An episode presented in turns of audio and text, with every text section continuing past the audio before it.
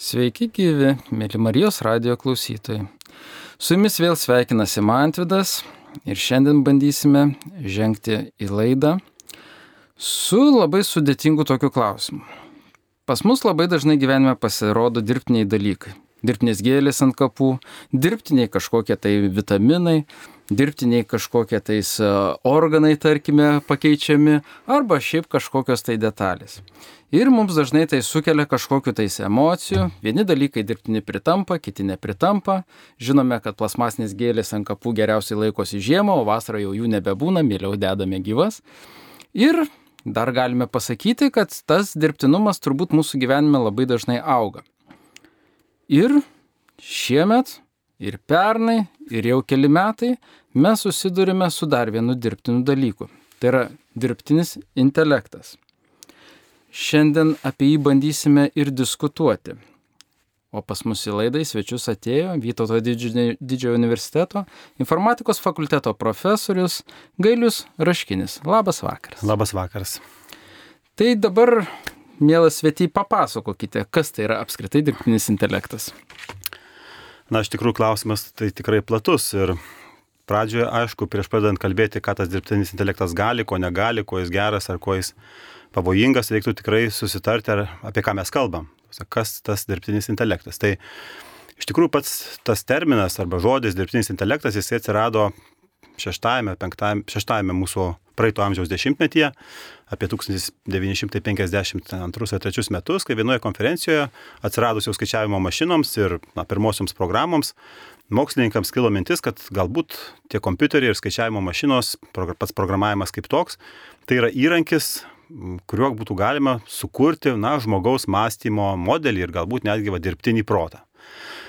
Kaip vat stalių įrankis yra plaktukas, taip pat programavimas, kompiuteriai galėtų būti tie įrankiai, tie statybiniai vat, blokeliai, iš kurių padarytume dirbtinį intelektą. Na ir nuo to laiko tas terminas prigijo. E, iš tikrųjų, e, kaip vėliau gal paminėsiu, buvo tokių kaip susižavėjimo laikotarpių to dirbtinio intelektų, atoslūgių, kai pasirodydavo, jog jo galimybių ribos yra pasiektos.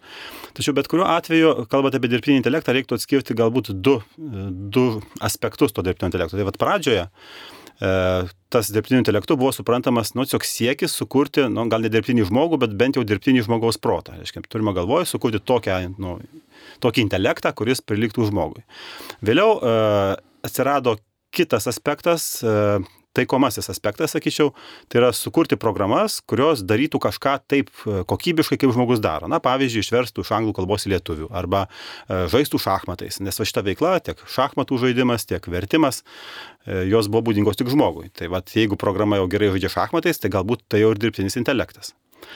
Va, tai, tai va, tie du požiūriai, sakykime, jie vis dar egzistavo, tačiau e, dominuojančiu vis tik tai tapo, turbūt reiktų pripažinti šitas taikomasis požiūris, nes sukurti patį intelektą kaip tokį e, yra sudėtinga. Mes nežinom, nėra mokslinių tyrimų, nėra duomenų pakankamai, kurio pasakytų mums, kaip tas žmogus masto, netgi kaip gyvūnas masto.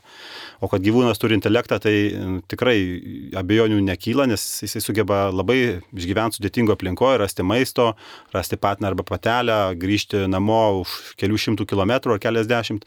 Žodžiu, ta prasme, jo veikla irgi yra tikrai sudėtinga. Tai vad, e, tas e, bendrasis aspektas jisai yra, nu, kaip čia pasakyti, netoks pelningas. Netoks pelningas ir yra labai daug daugiau klausimų negu atsakymų, todėl e, didžioji, sakykime, pastangų mokslinių dalis e, buvo nukreipta į taikomosius produktus, kurie yra, na, komerciškai patrauklus. Na, visada gali parduoti automatinio vertimo sistemą arba e, šnekos atpažinimo sistemą. Tai va, tai, tai ir šiuo metu, vat, žmonės kalbėdami apie dirbtinį intelektą dažnai vat, įsivaizduoja chat GPT, kitas sistemas, tai, tai jos iš tikrųjų yra vis tik tai, tai sistemos, kurios sukurtos remiantis su taikomoju požiūriu. Vat, apie jas gal truputį dar daugiau vėliau paminėsiu, bet vėlgi, kai mes keliam klausimą, ar sistema intelektuali ar ne, vat, reiktų įvertinti. Vėlgi klausimas yra, o koks kriterijus, vat, šachmatai žaidžianti programa, jinai aplošė žmogų, tai čia jau dirbtinis intelektas ar dar ne? Nu, toks klausimas kyla. Tai vad mokslininkai irgi yra pasiūlę įvairių apibrėžimų, nėra sutarta dėl vieno vieningo apibrėžimo, bet sakykime, du tokie vyraujantis požiūriai yra tokie, kad vienas požiūris sako, kad e, programą galima vadinti intelektualią, jeigu e, iš šono ją žiūrint, žiūrint kaip jinai elgesi, kaip jinai veikia, negalime atskirti tai žmogus ar tai programa. Šitoks gerai visiems žinomas, bent jau informatikos srityje, um, Turingo testas vadinamas, kuris, maždaug, Turingas tai buvo Alanas Turingas, anglų, anglų mokslininkas, uh, gyvenęs, vat, kaip tik apie tą laiką, uh, kai atsirado, atsirado pirmosios skaičiavimo mašinos. Ir jis suformulavo tą testą maždaug taip. Jis sako, įsivaizduokite, kad vat, prie kompiuterio ekrano prieina žmogus ir jisai per klaviatūrą bendrauja su kažkuo, kas yra kitoje sienos pusėje, jis nemato, su kuo bendrauja, jis parašo klausimą, gauna atsakymą, vėl parašo kažkokį tai klausimą, gauna atsakymą. E, ir jeigu bendraudamas su tuo kažkuo už sienos jisai nesugeba atskirti, ar tai žmogus, ar tai mašina, o ten, pavyzdžiui, iš tikrųjų yra mašina, vadinasi, ta mašina jau yra dirbtinis intelektas. Tai reiškia, šito, šito, šito apibrėžimo požiūrio visiškai nesvarbu, kokiais principais remiantis ta mašina veikia, svarbu, kad iš šono žiūrint, terminalą žiūrint, tie klausimai nuo atrodo tarsi žmogaus atsakymai. Tai, tai reiškia, čia toks vienas, sakykime, būdas apibrėžti per elgseną. Kitas e, požiūris alternatyvus, jisai yra bandymas sakyti arba apibriežti dirbtinį intelektą per patį principą, kaip jisai veikia. Aiškiai, kitas e, tyrėjas, toks serlas, jisai e, kontrargumentus šitam požiūriui pateikė. Sako, įsivaizduokit tokią situaciją, kad va, yra kambarys, tame kambaryje yra stalas, kambarys uždaras, aiškia, stalas, ant stalo knyga, kurioje parašytos taisyklės, kaip reikia e, versti iš kiniečių kalbos hieroglifų į anglų kalbą. Šitame kambaryje sėdi žmogus, kuris visiškai nesupranta kiniečių kalbos, na, bet tą knygą jis gali vartyti ir atrasti taisyklės. Aiškia, jam po durimis pakišamas raštelis su kiniečių hieroglifais, jis pasiemęs tą raštelį nesuprasdamas nieko, knygoje atverčia reikiamą puslapį, perrašo anglų kalbą žodžius ir iškiša raštelį anglų kalbą pro duris. Aiškia, žiūrovui žiūrint einančiam iš kambario išorės, pro duris įlenda kiniečių raštelis, iš po durų išlenda atgal anglų kalba išvestas raštelis. Aiškiai, jam turėtų atrodyti, kad tas, kas kambaryje sėdi, turi mokėti kiniečių kalbą. Tačiau tas žmogus realiai kiniečių kalbos nemoka, jis tik tai vykdo instrukcijas. Tai vat, šitas požiūris iš tikrųjų, pagal šitą požiūrį, čia dirbtinio intelekto nėra. Tai vat, nes, nes iš principo veikimas, pats, vat, pats principas, kaip kas ten tame kambaryje yra, jis visiškai nesusijęs su aiškia, kiniečių kalbos supratimu. Tai va šitie du požiūriai, jie nu, vis dar konkuru, konkuruojantys tam tikra prasme yra ir čia galbūt, tarkim, tas chat GPT naujasis įrankis, jisai labiau būtų artimas tam dirbtiniam intelektui, remiantis to pirmojo požiūriu, nes kai mes iš tikrųjų užduodame klausimą, gauname atsakymą, na, šiek tiek pas, pas susirašinėje galime atskirti, kad tie klausimai, nu, atsakymai nėra žmogaus atsakymai, bet tai yra jau neblogas prieartėjimas prie va to, sakykime, pirmojo, pirmojo Turingo testo e, sąlygų. Tai žodžiu, šitą prasme būtų galima galbūt sakyti, kad jis yra netoli dirbtinio to intelekto apibrėžimo, kaip jį apibrėžė Turingas. Tai va, tai, tai va, ką vadinti dirbtiniu intelektu, iš tikrųjų mums reiktų susitarti, galbūt galime iš tikrųjų na, priimti tą požiūrį, sakykim, šiuo atveju, kad pagal elgseną, pagal tai, kaip elgesi, nesvarbu, kaip veikia viduje, bet jeigu atrodo iš šono, kad tai yra intelektualu, o galim laikyti, kad tai intelektualu. tai va, tai ir kaip sakyti, na, tas tas dirbtinio intelekto pati vat, kaip mokslo šakos ar srities e, vystimosi eiga buvo tokia, na, banguota. Aiškia, buvo laikotarpis, kai būdavo, sakykime, sukūriamas naujas algoritmas, e, matoma, kad jo galimybės, pasiekėm, nu, pavyzdžiui, pirmieji, pirmosios sistemos, kurios verčia iš vienos kalbos į kitą, na, susižavėjimo laikotarpis, daugam atrodo, kad jau viskas, mes turėsim dirbtinį intelektą tuo čia pat, galų gale ta technologija arba tie algoritmai pasiekia savo galimybių ribas, na ir tada žmonės supranta, kad, na, vat, tokių dalykų, tokių ir tokių mes neišspręsim su šitais algoritmais. Na, ateina atoslūgis, šiek toks atvėsimo laikotarpis, tol, kol vėl neatsiranda koks naujas algoritmas, kuris vėl, aiškiai, gali daugiau, Dažniausiai tai būna dėl skaičiavimo greičio, kadangi auga skaičiavimo greitis, auga atitinkamai ir galimybės kompiuterio per tą patį laiką padaryti daugiau sudėtingų skaičiavimų. Na, vat. Tai va šiuo metu mes esame vėlgi ant tokios didelės bangos keteros dirbtinio intelekto, tai nėra kažkoks, sakyčiau, na, iš esmės principinis lūžis arba kad čia išradome dirbtinį intelektą. Tiesiog tai yra procesas banguojantis, na ir šiuo metu va, dar galbūt nepasiekta to va, tų algoritmų, kurie dabar yra siūlomi ir su kuriais skaičiuojama galimybių ribos, dėl to mums atrodo, kad da, va, viskas prieš akį, bet aš nenustepčiau, jeigu po kažkiek laiko mes vėl pamatytume, kad na, tam tikra riba pasiekta ir vėl reikia naujų, naujų, naujų idėjų, kad, kad toliau važiuoti šitoje kryptyje. O papasakokite, kaip apskritai taikomasis dirbtinis intelektas yra kūriamas? Šiuo atveju dabartiniu metu, sakykime, iš tikrųjų daugiausiai naudojami yra tokie, toksai, sakykime, na, įrankis, kuris vadinasi neuronų tinklai. Ir e, iš principo jisai yra viena iš mašininio mokymo rūšių. Mes suprantam, kad jeigu algoritmas nesugeba arba na, sistema, robotas nesugeba mokintis vienaip ar kitaip, tai jisai na, negalės būti panašus, nu, jo intelektas bus labai ribotas. Tu jį suprogramuosi, nu, kaip plovyklai mašinų, ar ne? Įvažiuosi automobiliu, tau, aiškiai, padaro tą pačią veiksmų seką, tie šie pečiai važiuoja aukštyn žemyn, na ir tuo baigėsi visas roboto veikimas. Jis, jisai ne, ne, nesimokina ir, ir ta prasme, jo adaptyvumas yra labai, labai, labai ribotas. Tai vad, praktiškai visada ir e, visur naudojamas vienoks ar kitoks e, na, mokymas mokinimasis. Mokinimasis, dabar, kai kalbam apie mokinimąsi, čia turime galvoj, kaip mokinasi algoritmas. Na ir algoritmai mokinasi iš pavyzdžių. Iškia, jam reikia pateikti daug pavyzdžių įvairių, to, na, tos ryties, kurioje mes jį mokiname. Sakykime, jeigu kalbėtume apie kokį nors, na, šnekos e, atpažintuvą, kada, aiškiai, mes norime, kad pasakytą mūsų na, garso frazę arba šitos laidos įrašą užrašytų tekstų kas nors. Tai ką tai reiškia? Reiškia, kad mes e, norėdami sukurti, apsakykim, to taikomo dirbtinio intelekto priemonę, šnekos atpažintuvą, turėtume pateikti daug pavyzdžių. O čia yra įrašas, o čia vat, yra tekstas, kas buvo sakyta. Čia kitas įrašas, čia vėl jį atitinkantis tekstas. Na ir tik tai ta klausimas, kiek tų pavyzdžių reikia ir kokiu algoritmu tai apdoroti.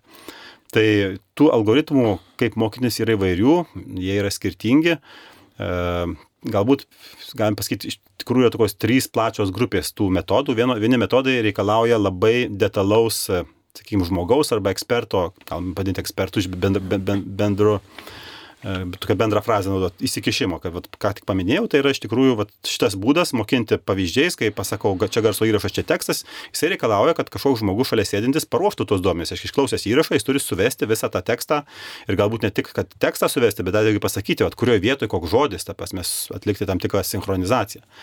Toliau yra e, kiti mokymosi metodai, vadinamas mokymas pastiprinimu, kai, mm, kai tada, kai ekspertas pasako tik tai dalį informacijos. Na, nu, tipinis, sakykime, toks mokymosi būdas būtų cirko dresūra. Aiškiai, meškai tu gali aiškinti, kiek nori, kad lipk ant dviratuko ir mink, jinai nepaklausys tavęs, tu, nes jinai tiesiog nesugeba tos informacijos priimti. Kaip jinai mokinama, jinai mokinama po truputėlį, įduodant teigiamus arba neigiamus, nu, sakykim, signalus. Teigiamas signalas būtų koks nors saldainiukas arba tai, ką ta meška mėgsta. Neigiamas signalas, na, aš nesu dresiruotojas, bet gal koks bizūno pliaukštelėjimas ar panašiai. Tai va, jeigu pirmą dieną meška apskritai prisartina apuosto tą dviratuką, tai yra labai teigiamas dalykas ir jinai už tai gauna paskatinimą. Nors galbūt paskui vėliau eigoje jinai už tai gaus bizūną, nes nepadarė, ką jau mokė mokėjo iki tol. Tai vad panašiai yra algoritmai, e, yra algoritmų mokymosi algoritmų rūšis, kurie būtent mokinasi tą dalinę informaciją. Jie, jie, jie gauna informaciją, tarkim, taip gerai elgėsi, negerai elgėsi ir pagal tai bando, aiškiai, išmokti, na, teisingą elgseną įvairiose situacijose. Na ir trečioji algoritmų rūšis, tai vadinami tokie neprižiūrimi arba neprižiūrimi algoritmai, ta prasme, kad nereikia jiems prižiūrėtojo arba eksperto jokių duomenų, jie tiesiog bando tuos duomenys analizuoti pačius kaip tokius. Va. Ir jeigu dabar žiūrėti į paties na, dirbtinio intelekto vystimos tendencijas, šiuo metu yra bandoma kuo daugiau uždavinių perkelti va, į tą trečiąją kategoriją, kad kuo mažiau reikėtų įsikišti sakykime, tam žmogui, kad kuo mažiau, nes žmogaus darbas visada yra santykinai brangus, ta prasme, tu sėdėti ekspertas, tu žymėti, pavyzdžiui, paveiksliukus, kas jame pavaizduota, aprašinėti, ta prasme, tai jeigu pavyktų didžiąją dalį dalykų perkelti ant vat, tiems algoritmams, kurie, e, kuriems nereikia tos informacijos, tada, aišku, atpinga visas tas kūrimo procesas. Tai va, tai, tai tokie, sakyčiau, galbūt pagrindiniai yra e, nu, grupės tų mokymosi metodų. Dar, aišku, galima būtų, kalbant apie tos metodus, juos irgi skirstyti į dvi grupės pagal kitą požiūrį. Ar jie mokosi e, pažingsniui, nuosekliai kaip žmogus, ta prasme, vat, e, einu, matau, įsimenu kažką tai permastau, ar, ar jie mokosi gaudami visą informaciją iš karto. Ta prasme, pavyzdžiui, lentelę su, tarkim, visais ten Facebook'o ar, nežinau, sukauptais duomenimis. Tai iš tikrųjų e, žmogiškesnis metodas, aišku, būtų arba dirbtinis intelektas būtų labiau panašus į žmogišką mąstymą, jeigu mes, jeigu tie algoritmai, na, pažingsniui, nuosekliai mokintųsi. Bet faktiškai dauguma vis tik metodų naudoja tą antrąjį principą, jiems daug patogiau yra gauti visą informaciją iš, iš karto prie, prieš akis kažkuria prasme ir e, ją apdoroti. Nes tada, na, nereikia, sakant, daryti neteisingų hipotezių kažkokių, grįžti atgal, per, pergalvoti ir panašiai. Tai ta, ta, taikomiesiems produktams dažniausiai, jeigu įmanoma, iš tikrųjų yra sukaupiama kiek galima daugiau duomenų ir jie visi pateikiami, sakykime, na, mašinai mokytis. Na, o dabar pats mokymosi algoritmas, kokie, kokie dabar skai patys populiariausi. Tai šiuo metu yra, aišku, tie neuroniniai tinklai. Neuroniniai tinklai, ypač giliai neuronų tinklai. E, kas tas neuronų tinklas iš principo yra? Na, reiktų įsivaizduoti, kad jisai yra tokių, kaip čia pasakyti, e, skaičiavimo elementukų rinkinys. Aš kiekvienas neuronas arba tas dirbtinis neuronas tai yra skaičiavimo elementas, kuris susumuoja į ateinančius skaičius. Tik tiek, kada prieš susumuodamas juos, jis juos padaugina iš koficijantų, iš svorių, vadinkim taip. Na, o to neurono išėjimas paduodamas į kito neurono įėjimą. Na, ir tų neuronų gali būti, na, milijonai, netgi milijardai šiuolaikiniuose tuose tinkluose. Vat, ką, ką tas neuronų tinklas daro, iš tikrųjų, tai matem, iš matematikos pusės žiūrint, tai sudėtinga labai funkcija. Na, mes visi mokykloje tų funkcijų esame matę, ten x kvadratu plus 2x plus 1 lygu 0, tai čia irgi iš esmės tokia pati funkcija, tik tiek, kad turi ne vieną x kintamąjį, o turi milijardus tų kintamųjų ir neuronų tinklo mokinimas yra bandymas pakeisti jo svorius. Aiškiai, kadangi prie kiekvieno x, y stovi po svorį, juos galima kaitalioti, tai klausimas, kaip pakeisti tuos svorius 1,5 ar 2,5, tik sakau, jų yra milijardai, kad neuronų tinklo išeime mes matytume tai, ką norime. Pavyzdžiui, paveiksliuko pavadinimą, kad čia pavaizduotas, pavyzdžiui, ten bebras ar meškinas ar kažkas tokio. Tai va, na ir yra algoritmai, kurie tuos svorius mokosi keisti, sakykime taip. Na, va, tai dažniausiai ir progresas šitoje srityje vykdavo tada, kai būdavo pasiūlymas naujesnis arba toks algoritmas, kuris išspręsdavo anksčiau buvusio vat, tos tų svorio keitimo algoritmo problemas. Iškai būdavo tam tikros problemos, atsimušami į tam tikrą na, sieną, na ir paskui kažkoks tai tyrėjas sugalvoja, o kaip tą sieną apeiti iš kitos pusės. Na nu, ir tada vėl nauja banga, kurios metu, iškai tie neuronų tinklai įgyja dar daugiau šią galimybių. O dabar klausimas, žiūrėkit, neuroniniai tinklai labai baisiai skamba visiems, kažko mhm. pažįstami su medicina, Tai kaip suprantu, neuroninis tinklas yra teorinis, o ne fizinis. Na tai yra modelis, kaip čia pasakyti. Čia, jau kalbam apie, ne apie medicininį neuronų tinklą, nes medicinių, kaip čia pasakyti, biologinių neuronų niekas sukonstruoti nemoka. Juos tai galim galbūt stebėti, tenais, nežinau, neurochirurgai mato neuronus ir panašiai.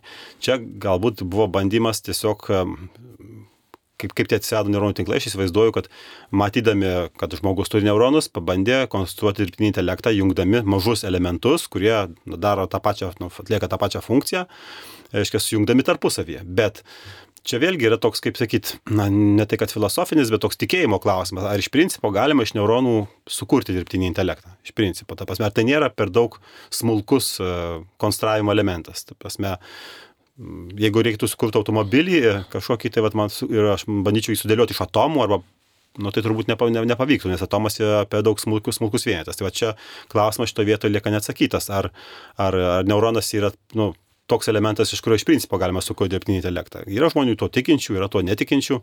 Na dabar šiuo metu, sakykim, tie neuronų tinklai rodo pakankamai neblogą pagerėjimą, tų tikinčių atsirado daugiau. Va, bet vis tik tai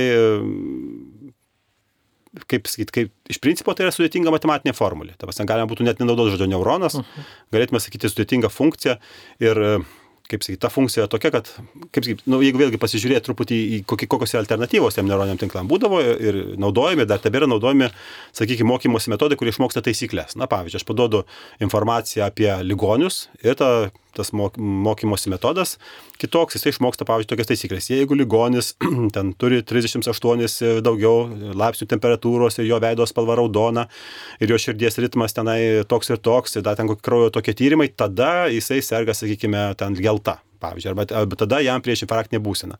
Tai va šitokio tipo metodai, jie, jų rezultatą gali žmogus suvokti ir suprasti. Nes taisyklę mes suprantam, man jisai algoritmas mokėsi, davė tokią taisyklę, aš kaip gydytojas profesionalas pasižiūrėjau, sakau, tvarko, čia įdomu, tinka. Kita taisyklė, to, nu čia nesąmonė, aš ją pats galiu atmesti. Tai va su neuroniniais tinklais yra kitaip. Aiškiai, jų atsakymo mes negalime koreguoti. Tai yra didžiulė svorių, arba didžiulė skaičių sankaupa. Vienas skaičius pats savaime nieko nereiškia, jie reiškia tik tai visumoja kažką tai ir tu negali ištaisyti ten kažkokių tai klaidų, atmesti kažko, arba tu jį visą priimi, arba tu jo nepriimi ir jeigu jis veikia neteisingai, tu negali pataisyti klaidos iš principo. Tu, tu gali tik vienintelį dalyką, ką gali padaryti, tai gali nebent prikaupti dar daugiau duomenų, ypatingai tokių, su kuriais jisai daro klaidas, ir pabandyti visą tą mokymo procesą paleisti iš naujo, tikėdamasis, kad ta klaida galbūt bus ištaisyta. Bet va to nu, lankstumo tokio, kad va, pataisyti klaidą rasta, tokios galimybės nėra. Tai va, tai čia, sakyčiau, toks yra jo, nu ir, kaip sakyti, turbūt trūkumas, reiktų sakyti, šito vieto, nes, nes dažnai mes žmonės aptikę klaidą norime ištaisyti, mums norisi įlysti, va, jeigu radau, kad ten kažką negerai darau, pataisyti tame toje programoje. O čia šitos galimybės iš tikrųjų kaip ir nėra. Tai vad man ir klausimas kyla, nes iš esmės, jeigu turime algoritmą, kuris ieško atsakymo taip arba ne, klausimas kaip yra su atsakymu galbūt arba neutraliu atsakymu. Na, maut, tie neuronų tinklai nebūtinai turi atsakymą tik taip arba ne. kai kuriais atvejais, sakykime, gali būti dvi klasės, ar ne, ten pavojingas žmogus, ar nepavojingas, ar ne. Bet iš principo tai jie yra lankstesni, tu gali tenais tų klasių arba tų atsakymų turėti kad ir tūkstantį, pavyzdžiui, pat paveiksliukų e, atpažinimo uždavinys. Na, paveikslėlis viena, pavaizduotas medis, kitame debesėlis, trečiame baružėlė, tų klastų, iš kitų atsakymų gali būti labai daug. Ir kokius duomenys aš turiu, aš, aš galiu mokinti neuronų tinklą taip, kad jis man duotų vieną iš tūkstančių atsakymų pasakykime. Kai kuriais atvejais gali būti, sakau, atsakymas taip, ne, nežinau. Uh, yra toks, sakykime, uždavinys, tai vadinamas sentimentų analizė, bet iš tikrųjų tai yra daugiau nuomonės analizė. Yra, um, vėlgi, taikomieji, nu, taikomieji sukurtos programos, kurios bando pagal tekstą nustatyti, ar tai palankiai tą vertina, sakykime, kokia nors institucija, ar nepalankiai. Gali būti irgi keli vertinimai. Palankiai vertina, nepalankiai arba vidutiniškai, va, tarkim, kaip tas nežinau. Tai, tai tokių uždavinių būna, kur, va, tai čia šita, šituo atveju nėra problema neuronų tinklui E, išmokti kelių skirtingų, atsiprašau, užspręsti uždavinius keliais skirtingais sakymais. Svarbu, kaip yra paruošti duomenys. Duomenyse, su kuriais jis yra mokinamas, taip pat turi būti nu, tiek pat, sakykime, pavyzdžių, kiek mes atsakymų norim turėti. Jeigu aš noriu, kad išmoktų atpažinti, kur yra paveikslėlėje dangoje saulutė, tai tarp mano mokymo pavyzdžių, tarp tos medžiagos, aš taip pat turiu turėti paveikslėlių su saulutė ir debesėliais. Minėjote, kad tai yra labai dideli skaičiai, labai daug informacijos.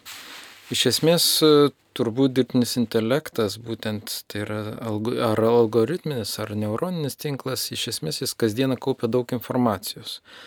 Ar tai reiškia, kad jis kasdieną yra geresnis, tobulesnis ir atlieka savo funkcijas kokybiškiau?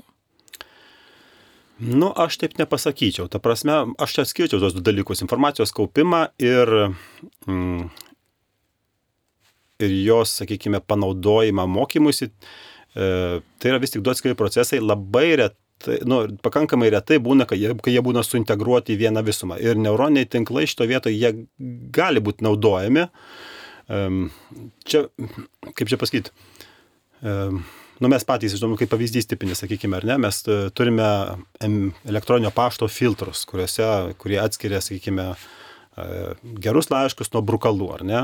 Tai kai mes pažymime varnelę, kad atėjęs laiškas yra brukalas, Tai paprastai ta informacija yra pridedama prie jau žmo, eksperto arba žmogaus pažymėtos informacijos, kad čia brukalai ir tada, iškės, tinklas jisai persimokina. Tai šiaip tai e, galima tą informaciją, sakykim, galima neuroninį tinklą nuolatos permokyti, bet turi būti vis tik tai tada pakankamai kokybiškas atsakymas gaunamas. Taip, žmogus kažkoks turėtų vat, pasakyti čia taip arba kitaip. Tai kaip brukalo atveju žmogus pats pasako, kad šitas laiškas yra tokios rūšies. Jeigu tokios informacijos nėra, pavyzdžiui, nu, aš padaviau versti naują tekstą, ne, kokiam nors ten DeepL ar kažkam. E, Niekas nepasako, kaip tas tekstas turi būti išverstas. Tai jeigu nepasakė, tai tada iš to neuroniniam tinklui arba kitai mokymosi programai nėra jokios naudos, nes jinai, nu ką, neišvertė, jinai gavo atsakymą, bet jai grįžtamo ryšio tai nėra.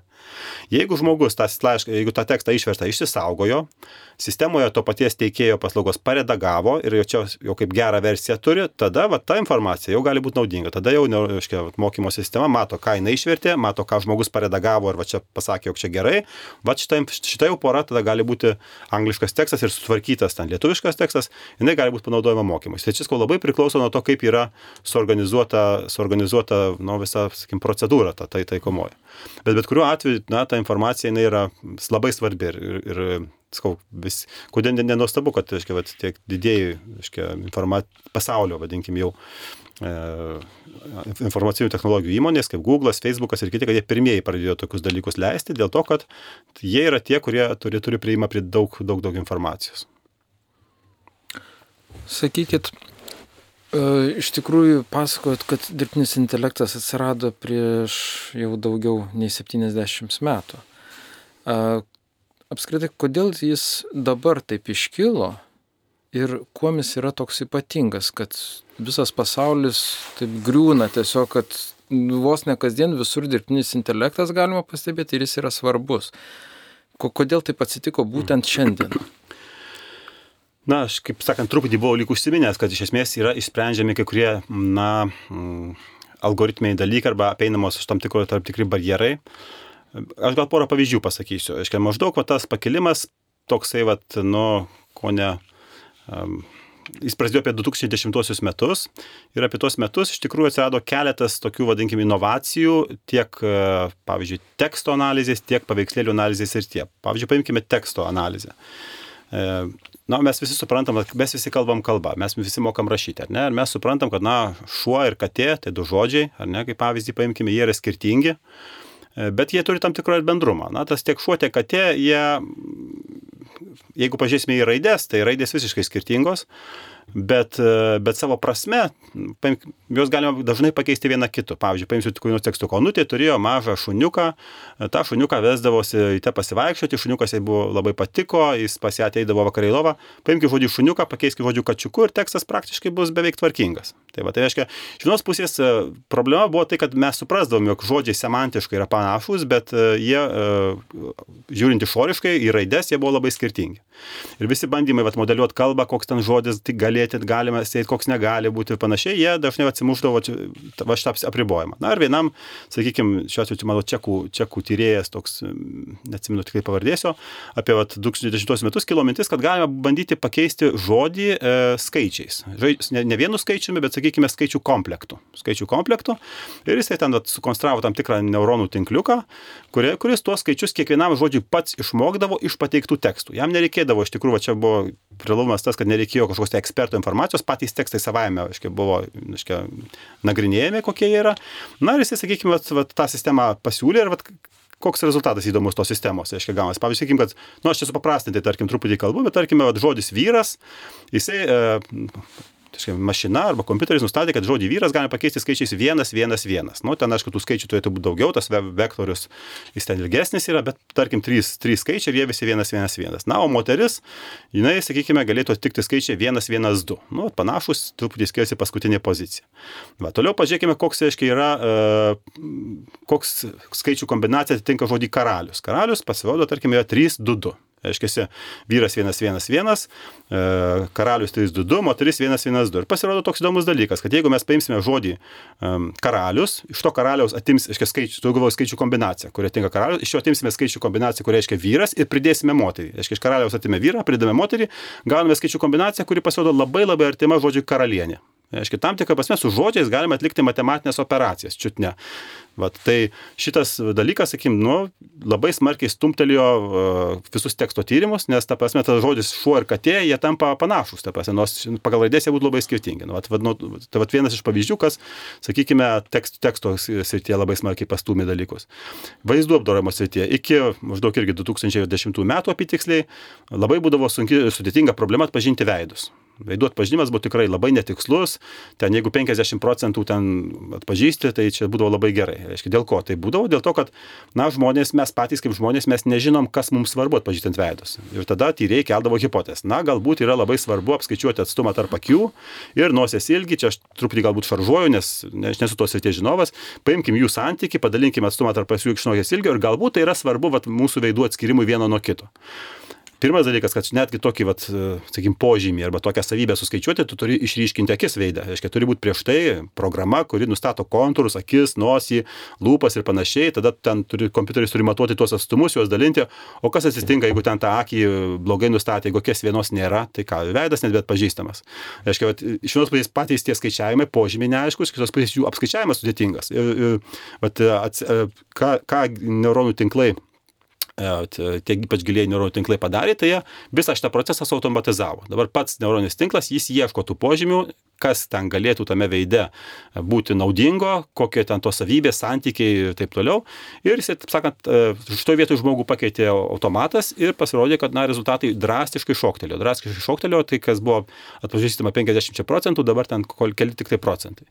Ir iš principo netgi, kaip čia pasakyti, užtenka pagal, sakykim, naujausius tyrimus užtenka vieno ar ten dviejų tavo veidų parodyti ir tavo veidas jau gali būti atpažįstamas įvairiose sąlygose. Ta prasme, vien remiantis išmoktais dalykais, kurie yra išmokti su kitais veidais.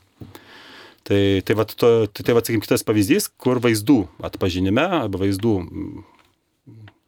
srityje, sakykim, tas proveržis toks įvyko. Na ir atitinkamai, kaip sakyti, pagrindinis galbūt, sakyčiau, toksai nu, dalykas yra tai, kad sunku, tam atsakim tom programom, kurios, kurios mokos, joms būdavo sunku nustatyti ryšius tarp toli esančių dalykų. Pavyzdžiui, jeigu teksto pradžia, teksto pabaiga, tarp tų žodžių kažkokie tai prasminiai ryšiai, nu, viename sakinėje ten tie žodžiai gramatiškai susiję, toliau truputį jau semantiniai ryšiai prasideda. Tai vad būdavo sunku rasti tą ryšį tarp toli esančių teksto segmentų. Tai vad esant dabartiniai algoritmai, ir ypač vat, ką tas chat GPT ir jo analogai leidžia padaryti, tai iš tikrųjų rasti pakankamai ryšį tarp pakankamai toli nutolusių, nutolusių teksto dalių ir dėl to tada mums iš šono žiūrint susidaro įspūdis, kad jis suprato tekstą, nors ten tos kol supratimo nėra, ten yra tik tai skaičiai, realiai. Tai va. E, todėl ir kyla klausimas iš tikrųjų, kad visgi su tuo pačiu chat GPT, nors jisai čia paleistas viešam jau yra ir naudojimai daugiau negu metai laiko, bet vis dar pasitaiko klaidų. Dar puikiai atsimenu, kad buvo jam pateiktas analizuoti paveiksliukas, kuriame berots buvo kilimas ir kažkokie baldai, o jisai parašė, kad nuotraukoje pavaizduotas koncertas, kuriame kombainai žudo žmonės. tai ir, ir čia ta prasme gal pusmečio senumo yra istorija ir tada yra klausimas, kodėl vis dar pasitaiko tokios ganėtinai dar grubios klaidos, ar yra kažkokia galbūt juodoji dėžė, va ta vadinama, kurios dar mokslininkai dar neperkando dirbtiniam intelekte, ar čia tiesiog įvesta galbūt netgi pačios klaidos kažkurių vartotojų, kaip sakėt, jeigu taisant tekstą pateikiant taisimų sistemai ir galbūt jie buvo neteisingai pateikti? Gali būti. Čia, na, iš tikrųjų atsakyti šitą klausimą sunku, ta prasme, galėjo būti neteisingai pažymėtų, vat, nes tos paveiksliukus pateikti, jos, kažkas turėjo sužymėti. Galbūt buvo, aiškiai, ekspertas arba žmogus, arba tiesiog išdykėlis, kuris nusprendė ant vieno paveiksliuko, matydamas vieną, parašyti visai ką kitą. Tai, vat, gali būti tokia priežastis. Na, bet iš kitos pusės reikia suprasti, kad tos dirbtinio intelekto programos, kad ir kaip gerai mokintųsi, niekada ne, nepasiekia šimtaprocentinio tikslumo. Prastai visada būna atvejų, kai, kai jos klysta. Ta prasme, tokio tikslumo, nu, aš, aš turbūt nežinau nei vienos, nei vienoje srityje e, programos, kuri veiktų šimtaprocentinai tiksliai. Nebent tai būtų labai lengvas uždavinys kažkoks, tai labai lengvas, kurių, na, kur, kurį žmogus pats gali spręsti be jokios pagalbos. Tai va, tai apie ką mes bekalbėtume, bet bet kokį uždavinį pasiemė, tai vat, e, kažkuria prasme natūralu, kad tų klaidų bus. Tik e, galime pastebėti tokį dėsningumą, kad anglų kalboje, pavyzdžiui, bendraujant su chat GPT, jisai daro klaidų mažiau negu lietuvių kalboje. Aiškiai, jeigu užduosit klausimą ar bandysit bendrauti lietuviškai, praktiškai jisai e, klys daugiau. Aš, nu, irgi šiek tiek paeksperimentavau su juo, paprašiau, kad jis pasakytų, sakytų klausimą, kas yra ten mano žmona. Tai jisai aprašymą sukūrė iš kitų mano trijų brolienių CV kažkur radęs, galbūt internete ar kažkur tai, reiškia, net ten ir kliniką turi, ir teisininkai tuo pačiu, dar kažkas, tai žodžiu, žodžiu tai buvo ne, ne, ne tik, aišku, anglų kalboje, kadangi tos medžiagos mokymo žymiai daugiau, tai ir atsakymai tikslesni. Tai vad e, šitoje vietoje manau, kad e, tai yra tiesiog, na, natūrali pasiekmė to, kaip, kaip jisai mokinasi. Kuo daugiau pavyzdžių, kuo daugiau įvairovės, kuo daugiau medžiagos, tuo iš tikrųjų atsakymai būna tikslesni. Tai vat. Bet vad jūsų minėta ta klaida, ištaisyti jos nėra būdo, nebent, kaip sakant, pateikti papildomai panašių pavyzdžių, kuriuose būtų ten tas paveikslėlis teisingai vardintas. Ta galbūt tie svoriai šiek tiek pasikeis tie skaičiai, kad pradės dirbti gerai, bet garantijos nėra. Ta prasme, na, čia yra tik tai tokia viltis. Bet tai čia žmonėse tada yra toks kaip ir siaubas, Nes jeigu žvelgiame į ateitį ir jeigu, tarkime, iš tikrųjų būtent dirbtinis intelektas, kuris kol kas matematiniuose tinkluose egzistuoja, pereis į fizinę veikimo būseną, tai yra į robotiką, iš esmės tokios nuotraukos keistas interpretavimas gali tapti pražutingu. Taip, tai čia tiesa. Ta prasme, reikia suprasti, kad dirbtinis intelektas vienaip ar kitaip bus situacijų, kai suklys. Ta prasme, šimtaprocentinai veikiančio roboto nu, nebus. Ta pati kažkai, jeigu jis kepa kiaušinienę truputį prisvilina, tai yra vienas dalykas, o jeigu jis priima sprendimą, reiškia, šaut raketą į kažkokią tai stovyklavietę, nu, kaip Afganistane pataikė į, į vestuvės čia prieš kažkiek tai metų, ne, tai ten buvo žmogus, kuris tą sprendimą priėmė, reiškia, operatorius. Bet jeigu robotas priminės, tai, na, tų, bent, tada net neaišku bus ką kaltinti, nes nes e, kas atsakingas, ar, ar kūrėjai atsakingi, ar atsakingi, reiškia, pats patį tą lėktuvą sudeginti reikia už tai, kad jis negerai pasielgė. Tai vad šitoje vietoje, aiškiai, prasideda tokie etiniai klausimai, kurių, kurių spręs nėra taip paprasta.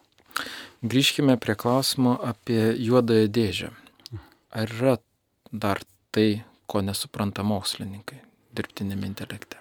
Na tai visas, visas neuronų tinklas yra juoda dėžė, ta prasme, tai, kaip sakyt, negali, ne, iš principo jo suprasti nėra kaip, tik tai žinai, kad visi tie svoriai, kurie va ten esą, visi tie skaičiai, kurie saugomi kažkokiose tai lentelėse, jie visi savo visumą atlieka tam tikrą darbą, bet, bet jį suprasti, na, aišku, kuriant, konstruojant tos tinklus, žmogus jisai pasirenka tam tikrą struktūrą, tam, tam tikrą jo elementų sujungimo būdą, tarkime, kažkokius tokius dalykus žmogus renkasi, dažnai bando vieno, vienaip sujungti tos elementukus skaičiavimo, kitaip sujungti, e, ieško, kuris būdas duoda geresnius rezultatus, bet iš principo, reiškia, paties to, nu, sakykime, suvokti, ką tie skaičiai reiškia, nu, yra, yra iš principo nesuvokiama nes e, informacija, savokos ir kiti dalykai, jie yra, na, sakykim, paskirstyti tarp, tarp tų skaičių. Tie patys skaičiai, jie dalyvauja daugelį skirtingų, galbūt netgi savoko procesų. Tai vadžiu, na, normalu, sakyčiau, kad žmonės, kaip sakyti, žmonės galbūt supranta, ką jie, kokią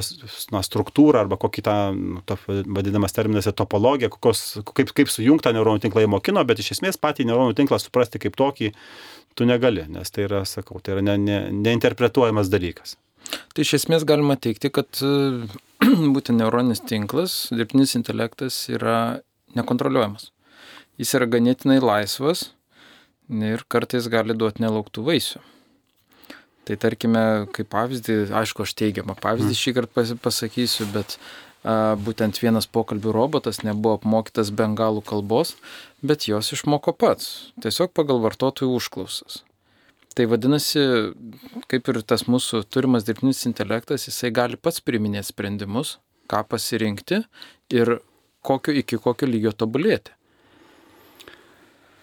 Na, aš šito pavyzdžio su bengalų kalba nebuvau girdėjęs, e, bet e, kaip čia pasakyti, galimas daiktas, kad, na, nu, čia reiktų žiūrėti iš tikrųjų, kaip, tenais, e, kaip ten vyko tas mokymosi procesas. Galbūt, sakykime, galėjo būti parodomas paveiksliukas, o, O, o čia aš tik fantazuoju, mhm. aš kadangi tos eksperimento nežinau, bet aš bandau nu, įsivaizduoti, kaip tai galėjo tas, tas bengalų kalbos išmokymas įvykti. Ir, sakykime, žm, nu, žmonėms reikėjo parodyti, parašyti, kas tame paveiksliuke parodyta, ir jie užuot anglų kalbą arba ten kažkokią kitą kalbą užrašė bengalų kalbą, ar ne? Tada tokiu būdu gavo Naškia, tas mokymosi visas algoritmas, pavyzdžių, paveiksliukas, bengalų kalbos užrašas, ar ne? Ir tada, aiškiai, parodžius paveiksliuką, jis jau tada galėdavo rinktis, ar čia bengalų kalbą atsakyti, ar atsakyti anglų kalbą, galbūt. Nu, bet tai, ar, tai, ar tai reiškia, kad jis išmoko bengalų kalbos, aš nežinau. Jeigu toks, va, sakykime, eksperimentas būtų, nu, jis tiesiog išmoko susijęti paveiksliuką su tam tikru simbolių grandinėlė, raidėmis, sakykime, ar tai būtų angliškos raidės, ar tai būtų bengalų kalbos raidės, jam daug skirtumo nėra. Jeigu pavyzdžių kažkas pateikė tokių, jeigu vartotojai buvo, sakykime, vat, iš Indijos ar kažkur tai, jie tokius pavyzdžius pateikė, nu jis taip ir išmoko. Tai čia iš esmės e, tai nerodo, sakykime, kažkokio ypatingo intelektualumo šitoje vietoje. Tai tiesiog rodo, kad, na, yra galimybė susijęti du skirtingus, aiškiai, įėjimą ir išėjimą. Įėjimas yra paveikslėlis, tarkime, išėjimas yra kažkoks tai simbolių grandėlį, ką jinai bereikštų. Tai va, tai mm, dėl jūsų to, sakykime, pastebėjimo, kad jisai nekontroliuojamas, tai iš esmės jo rezultatų, nu kaip čia pasakyti, mes negalime šimta, jo rezultatais mes negalime šimtaprocentinai pasitikėti. Tai va tas, tas jo tiesa. O ar kontroliuojamas ar ne, tai žiūrint, kur tu jį įdėsi, jeigu jis yra tavo laboratorijos kompiuteryje, tai tu jį kontroliuoji, ta prasme, jo rezultatai, nu, tu juos pasižiūri, pasi, paskaičiuoji, ar gerai ar negerai veikia ir panašiai. Jeigu tu įdėgi kažkur tai į praktiką, tas priima sprendimus, vėlgi klausimas, kiek kritiniai tie sprendimai. Nu, tarkim, automatinio vairavimo klausimas, ar ne? Sakykime, jau yra, nu, lėktuvai tai autopilotus turi senai, bet iš principo ta pati technologija, jinai yra ir automobilių vairavimui. Ta prasme, automobilių vairavimui, bet yra va, klausimai, o, o kokius sprendimus priimti. Aš galima išmokti labai įvairiai tą vairuotoją veikti. Pavyzdžiui, bet ką daryti tokioje situacijoje, sakykime, reiškia, mašina važiuoja, mato į gatvę staiga išbėga vaikas. Jis turi padaryti dirbtinis intelektas pasirinkimą, ar trenktis į medį ir sužeisti vairuotoją, ar važiuoti ant vaiko, ar ne? Tai vad, kaip turi būti jis apmokytas? Jeigu apmokysi vienaip, jis elgsis vienaip, apmokysi kitaip, elgsis kitaip. Jeigu tu apmokysi, kad trenktųsi medį, tai turbūt klientas nepirks tokio automobilio, ne? Jeigu apmokysi važiuoti ant vaiko, tai turbūt visuomenė visą sukils, kokį čia mums žvėrį žudiką tu išmokinai, supranti. Nu, va, ir va klausimas, ką, ką tu ką atveju daryti, kas atsakingas, žodžiu, šitoje vietoje.